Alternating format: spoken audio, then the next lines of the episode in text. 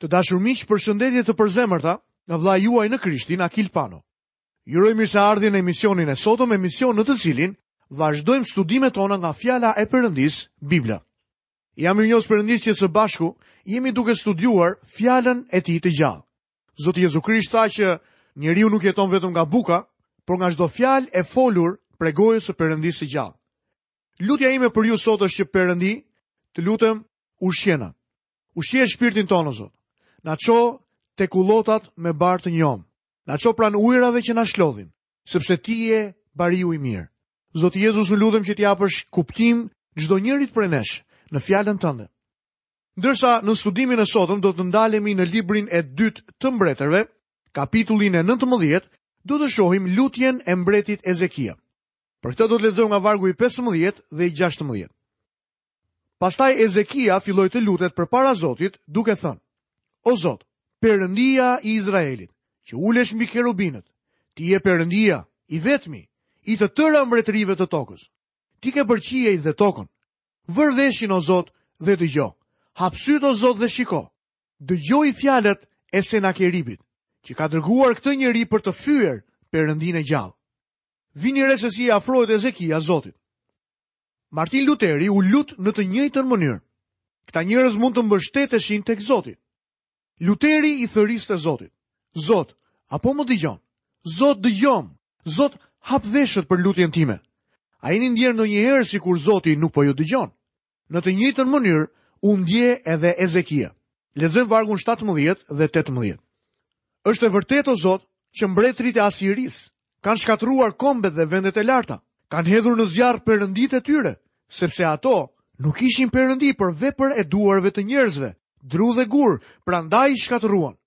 Ajo çfarë thotë Rabshakehu është e vërtetë. Ai nuk po mburret kur thotë se Asiria ka shtypur gjithçka që i ka dalë para dhe ka hedhur në zjarr perënditë e çdo kombi. Lexojmë më poshtë në vargun e 19. Por tani o Zot, na shpëto.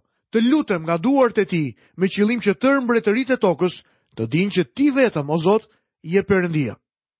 Tani do të shohim përgjigjen e Perëndisë ndaj lutjes së Ezekias. Tani Zoti do t'i përgjigjet lutjes së tij nëpërmjet profetit Isaia. Lexojmë në vargun e 20.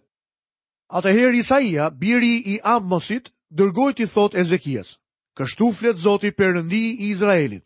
Dëgjova lutjen që ti më drejtove për Senakeribin, mbretin e Asirisë. Zoti thotë, unë të kam dëgjuar, ndërsa ti je lutur. Lexojmë më poshtë vargjet 21 dhe 22. Kjo është fjala që Zoti ka shqiptuar kundër atij. Bija e virgjër e Sionit të përbuz dhe tallet me ty. Bija e Jeruzalemit tund kokën prapa teje, cilin ke fyer dhe poshtëruar, kundër kujt ke ngritur zërin dhe sytë me arrogancë, kundër të shenjtit të Izraelit?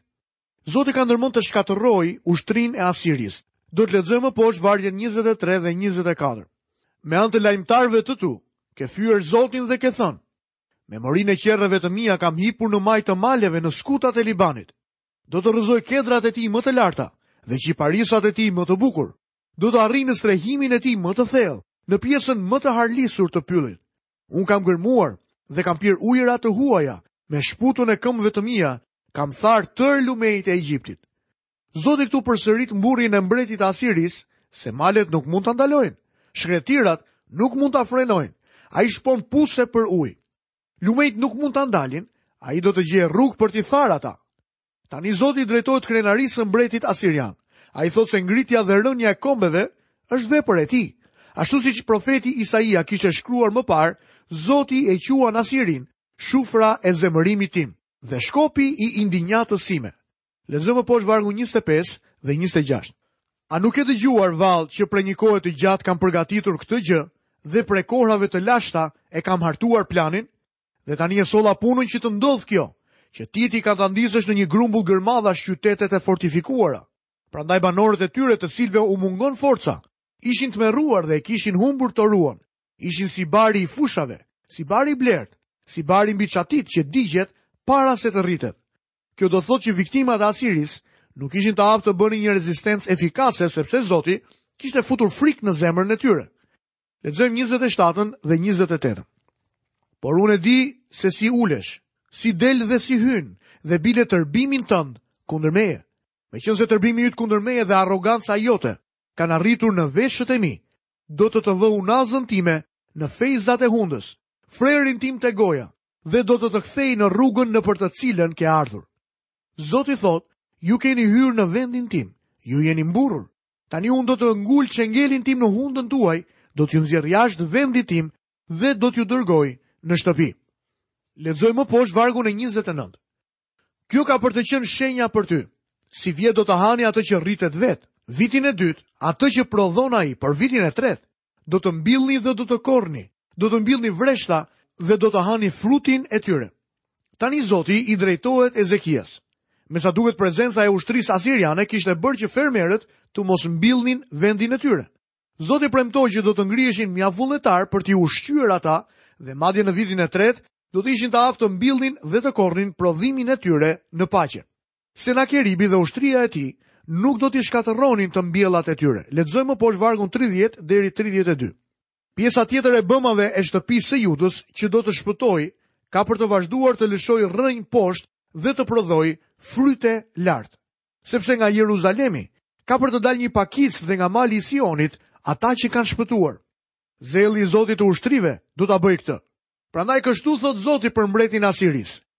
Ai nuk ka për të hyrë në këtë qytet, as ka për të hedhur shigjeta, nuk ka për t'i dalë përpara me mburoja, as ka për të ndërtuar ndonjë ledh kundër tij. Profeti Isaia po bën një deklaratë mjaft të guximshme, por ajo është fjala e Zotit. Unë jam i sigurt se banorët e Jeruzalemit po pyesin veten nëse Isaia ishte profet i vërtetë apo jo. Kur Isaia profetizoi se një djalë do të lindte nga një e virgjër, Njerëzit me siguri thanë, o po, kjo është një profeci e madhe, kur do të ndodhë? Ajo nuk ndodhi vetëm pas 700 vitesh dhe asnjëri prej tyre nuk ishte aty për të parë përmbushjen e saj. Por tani profeti po profetizon në lidhje me rrethanat lokale dhe ata do të shohin përmbushjen brenda disa ditëve. Ushtria asiriane kishte fushuar jashtë portave të Jeruzalemit. Kjo ushtri e madhe kishte fshirë nga faqja e dheut çdo gjë që i kishte dalë përpara. Në botën e lashtë të gjithë kishin frikë prej tyre. Tani Zoti përmes Isaias thotë se ata nuk do ta pushtonin dot qytetin e Jeruzalemit. Ata madje nuk do të qëllonin as edhe një shigjetë drejt qytetit. Mendoni pak për një moment. Rreth mureve të Jeruzalemit ishin 185.000 ushtarë. Në atë turmë ushtarësh mund të gjeje ndonjë ushtar të lumtur me hark dhe shigjetë, i cili mund të hidhte drejt murit të atij qyteti, qoftë edhe një shigjetë të vetme. Miku im, nëse ai ushtar do ta bënte këtë, atëherë Isaia nuk ishte profet i vërtetë i Zotit. Perëndia tha se as edhe një shigjetë nuk do të binte në atë qytet. Zoti e tha këtë përmes gojës së Isaias. Në këtë mënyrë njerëzit e kohës së tij do të kuptonin nëse ai ishte një profet i vërtetë i Zotit apo jo. Perëndia po thotë, unë do ta shpëtoj këtë qytet për dy arsye. Lexojmë poshtë vargun e 34. Unë do ta mbroj këtë qytet për ta shpëtuar, për dashurinë që kam ndaj vetes dhe për dashurinë e Davidit, shërbëtorit tim. Ai do ta bëjë këtë për hir të emrit të tij. Perëndia bën shumë gjëra për hir të emrit të tij dhe për hir të Davidit. E shihni, Zoti e donte me të vërtetë shumë Davidin. Ai bëri shumë gjëra për hir të Davidit. Miku im, Davidi pati një stërnip që lindi nga një e virgjër, Zotin Jezu Krisht. Ai do të shpëtojë mëkatarët që i besojnë atij për hir të Krishtit. Kur një besimtar i lutet Atit Perëndi në emër të Jezu Krishtit, Ati Perëndi i përgjigjet për hirin e Krishtit. Lexojmë vargun e 35. Atë natë ndodhi që engjëlli i Zotit doli dhe vrau në kampin e asirëve 185.000 njerëz. Kur njerëzit u ngritën në mëngjes, ja, të gjithë ishin bërë kufoma. Më pëlqen mënyra e përkthimit të këtij pasazhi. Kur njerëzit u ngritën në mëngjes, ja, të gjithë ishin bërë kufoma. Miqtë e mi, Asirianët nuk u zgjuan më në mëngjes. Përse? Ata kishin vdekur. Sigurisht kjo do të thotë që kur njerëzit brenda qytetit u ngritën në mëngjes, ata gjetën rreth 185.000 trupa të vdekur jashtë mureve të qytetit. Lexojmë vargun 36 dhe 37. Atëherë Senakeribi, mbreti i Asirisë, ngriti çadrat, u nis e u kthye në shtëpi dhe mbeti në Ninive. Dhe ndodhi që ndërsa ai po adhuronte në shtëpinë e perëndisë së tij Nisrok, bijtë e tij, Adrameleku dhe Shareceri, e vranë me goditje të shpatës. Pastaj u strehuan në vendin e Araratit. Në vend të tij mbretëroi i biri Esarhadoni. Senakeribi u vra nga bijtë. Është interesante të vësh re se profecia në lidhje me Asirinë u përmbush fjalë për fjalë në atë kohë.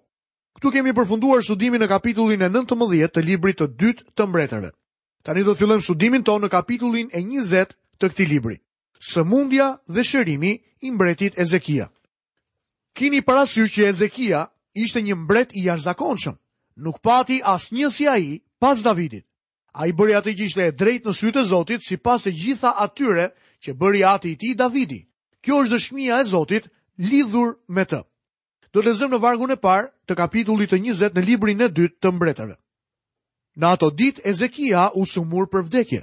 Atëherë profeti Isaia biri i Amotsit shkoi tek ai dhe i tha: "Kështu flet Zoti: Rregullo shtëpinë tënde, se ke për të vdekur dhe nuk ke për t'u shëruar." Sëmundja e Ezekias është regjistruar 3 herë në faqet e fjalës së Perëndisë. Është regjistruar në librin e dytë të mbretërve kapitulli i dytë, në librin e dytë të kronikave kapitulli 32 dhe në librin e profetit Isaia kapitulli 38. Secila nga tregimet i shton diçka të re pamjes totale të ngjarjes. Duhet të ketë qenë një detyrë e vështirë për profetin Isaia t'i çonte lajmin e vdekjes mbretit Ezekia. Gjithsesi, dënimi i vdekjes na pret të gjithëve, edhe pse nuk e dimë ditën apo orën. Fjala e Perëndisë thotë Dhe duke qenë se është caktuar që njerëzit të vdesin vetëm një herë dhe më pas vjen gjyqi. Kjo është një datë hyjnore. Nëse gjithsecili prej nesh do ta dinte ditën kur do të vdiste, a nuk do ta ndryshonte sjelljen e tij? Shumë të krishterë thonë, vdekja është diku larg në të ardhmen. Unë nuk do të shqetësohem për të tani. Është e vërtetë që ne nuk duhet të shqetësohemi për të, por ne duhet të jetojmë duke e ditur se vdekja do të jetë finishi ynë përfundimtar. Shumë vite më parë kur një predikuesi të ri iu tha nga doktori se kishte një kancer të përsëritur dhe ditët e tij ishin të numëruara, ai u dërgoi një letër disa prej miqve të tij. Isha i privilegjuar që isha përfshirë në atë listë, kështu që u drodha kur lexova atë letër. Më lejoni t'ju lexoj një fragment nga ajo letër. Në ditët e fundit kam zbuluar diçka. Kur një i krishterë përballet papritur me dënimin e vdekjes, ai fillon të japë vlerësimin e duhur të gjërave materiale. Grepat e mi të peshkimit, librat dhe kopshti me fruta nuk janë më aq të vlefshëm saç ishin para disa javësh. Me këtë gjë në mendje, le të shohim përvojën e mbretit Ezekia. Lexojmë vargu i dytë dhe i tretë. Atëherë ai ktheu fytyrën nga muri dhe iu lut Zotit, duke thënë: Të lutem shumë o Zot, mos harro si kam ecur përpara teje me besnikëri dhe me zemër të pastër, duke bërë atë që është e mirë për sytë e tu. Pastaj Ezekia shpërtheu në vaj. Ezekia ktheu kokën nga muri dhe iu lut Zotit. Mendoj se e kuptoj pozitën e tij. Personalisht, unë nuk e kam përjetuar ndonjëherë vetë dhe uroj që të mos më ndodhë, por sot do t'ju lexoj një pjesë nga përjetimi i Dr. Megis, autorit të studimit tonë. Ai thotë: Mendoni sikur ju kanë thënë se keni kancer dhe as doktori dhe as ju. Nuk mund ta dini se cili do të jetë përfundimi. Gjatë gjithë jetës sime në shërbesë kam vizituar njerëz me kancer. Unë mund ta kuptoj gjendjen e tyre, por kurrë në të vërtetë, derisa u ndodha edhe vetë në atë gjendje. Fjala e doktorit që kisha kancer më shkundi dhe nuk mund ta besoja dot. Kur m'u desh të pranoja faktin, nuk m'u dha asnjë siguri që mund të jetoja. Unë e dija diagnozën time. Mund t'ju them që kjo ndjenjë ju bën t'i vlerësoni ndryshe gjërat. Jeta ime është disi ndryshe sot. Shumë njerëz janë habitur në lidhje me sjelljen time në disa fusha. Ata më pyesin, pse hoqe dorë nga drejtimi i kishës kur ende vazhdon të jesh një person aktiv? Unë nuk kisha ambicie në shërbesë. Zoti më dha privilegjin që të isha pastor në një kishë të madhe dhe të drejtoja takimet më të mëdha të mesjavës në atë kohë dhe në atë brez. Unë e quaj këtë një privilegj. Por tani ambicia ime është të jetoj në mënyrë të tillë që të kënaq Zotin. Kjo gjë më ka ndryshuar në shumë rrugë. Dikush më tha, po përpiqesh të vetëvritesh duke drejtuar shërbesa në radio dhe duke mbajtur konferenca. A e di, kam frikë se nëse nuk bëj kështu, do të fyej Zotin. Kur më çuan në spital, nuk e kisha idenë se cili do të ishte përfundimi i sëmundjes time. Infermieres iu desh të më ndihmonte për të shkuar në shtrat, sepse ndihesha me të vërtetë shumë i dobët. Nuk isha i dobët fizikisht, por isha i frikësuar. Unë jam pak frikacak. Ajo më pyeti, a je i sëmurë? Unë iu përgjigja, jo, jam i frikësuar për vdekje. Ajo ishte një infermiere e krishterë dhe buzëqeshi. I kërkova të më linte vetëm për pak kohë. Ktheva kokën nga muri, ashtu si Ezekia, dhe i thirra Zotit. I thashë atij që nuk doja të vdisja dhe ende nuk dua të vdes.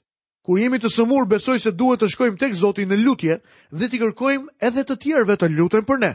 Unë besoj në shërimin me anë të besimit dhe jo në shërbesat e të ashtuquajturve shërues. Unë e di që Perëndia është shëruesi dhe ai mund të shërojë. Një e njohura ime më shkroi një letër në të cilën thoshte: Unë nuk do të lutem për ty që të shërohesh sepse e di që po bëhesh gati për të shkuar tek Zoti. Unë po lutem që ai të të marrë në shtëpi. I ktheva një përgjigje me nxitim, duke i thënë, e di si është puna? Lërja Zotit të merret me këtë gjë. Mos u përpiq t'i thuash atij si ndihem. Unë nuk dua të vdes. Unë dua të jetoj. Unë dua të jetoj aq gjatë sa të mundem. Kur ktheva kokën nga muri atje në spital, i premtova Zotit. Zot, nëse ti do të më ngresh, unë do mësoj fjalën tënde kudo që do të shkoj. Kjo është ajo çfarë jam përpjekur të bëj. Nuk dua që ta zhgënjej Perëndinë sepse nuk dua që nesër të më thotë, predikues, më dëgjo pak. Më duhet të të thërras në shtëpi sepse ti nuk po bën atë që the se do të bëje. Miqtë e mi, ne kemi një këndvështrim tjetër për jetën kur jemi në pozita të tilla. Doktori, një i krishterë i mrekullueshëm, më tregoi se nuk mund të më ndihmonte, por shërimi im kishte ardhur nga dora e Zotit. Sigurisht që do të doja të pyesja që përse më dërgoi faturën kur ishte Zoti, ai që kreu punën. Është e mrekullueshme të ndodhesh në atë pozitë ku të duhet t'i besosh Zotit. Unë nuk kisha alternativë tjetër. Ku vallë mund të shkoj, nëse nuk shkoj tek Perëndia? Unë i besoj Zotit për shëndetin tim dhe nuk jam aspak fetar kur them këto gjëra. Me të vërtetë shumë prekës përjetimi i doktor Megis, autorit të këtij studimi, apo jo miqtë e mi. Ezekia ndodhej në të njëjtën pozitë. Vetëm Zoti mund ta ndihmonte. Kur ktheu kokën nga muri, i kujtoi Zotit se kishte ecur përpara tij në të vërtetë dhe me një zemër të pastër, duke bërë atë që ishte e mirë në sytë e tij. Lexojmë më poshtë nga vargu i katërt dhe i pestë. Isaia nuk kishte arritur akoma në oborrin qendror kur fjala e Zotit iu drejtua duke i thënë: Kthehu prapa dhe i thuaj Ezekias, princit të popullit tim, Kështu flet Zoti, Perëndia i Davidit, Atit tënd. Kam dëgjuar lutjen tënde dhe kam parë lotët e tu. Ja, unë po të shëroj. Ditën e tretë do të ngjitesh në shtëpinë e Zotit. Zoti kishte parë lotët e mbretit Ezekia. Jam i sigurt që ai ka parë lotët e mi, ai ka parë gjithashtu edhe lotët e tu. Ai ka parë nevojën tënde. Ai ka dëgjuar lutjen në vetminë tënde. Lexojmë poshtë vargun e gjashtë. do t'i shtoj 15 vjet jetës sate, do të të çliroj ty dhe këtë qytet nga duart e mbretit të Asirisë dhe do ta mbroj këtë qytet për dashurinë që kam ndaj vetes dhe ndaj Davidit, shërbëtorit tim. Ky me të vërtetë ishte një lajm i madh që Zoti do ta shëronte atë dhe do t'ia zgjaste jetën edhe për 15 vjet të tjera. Miqtë e mi, Është me të vërtetë e qartë që jeta e çdo njërit prej nesh varet tek Perëndia. Është ai i cili jep, është ai gjithashtu i cili merr. Është Perëndia i cili një ditë do të thërratë çdo njërin prej nesh që të gjendemi përpara tij. Por në fakt, deri atë ditë, deri atë ditë të lavdishme për çdo të krishterë të rilindur sërish, ju inkurajoj. Jetojeni ditën e sotme për Zotin. Jetojeni atë sikur të ishte dita e fundit e jetës tuaj mbi dhe. Jepini lavdinë Perëndisë duke dorëzuar enën tuaj, këtë trup, në mënyrë që Perëndia ta përdorë, në mënyrë që Perëndia ta mbushë, në mënyrë që Perëndia ta pastrojë, në mënyrë që Perëndia t'ju shenjtërojë si një enë nderi. Të dashur miq, këtu kemi mbërritur në fundin e emisionit të sotëm. Jam i lumtur që keni qëndruar së bashku me mua përgjatë minutave të këtij emisioni dhe kërkoj me të vërtetë gjithë bekimet e Perëndisë dhe paqen e tij në jetën tuaj. Bashkë mirudëgjofshim nga vëllai juaj në Krishtin, Akil Pano.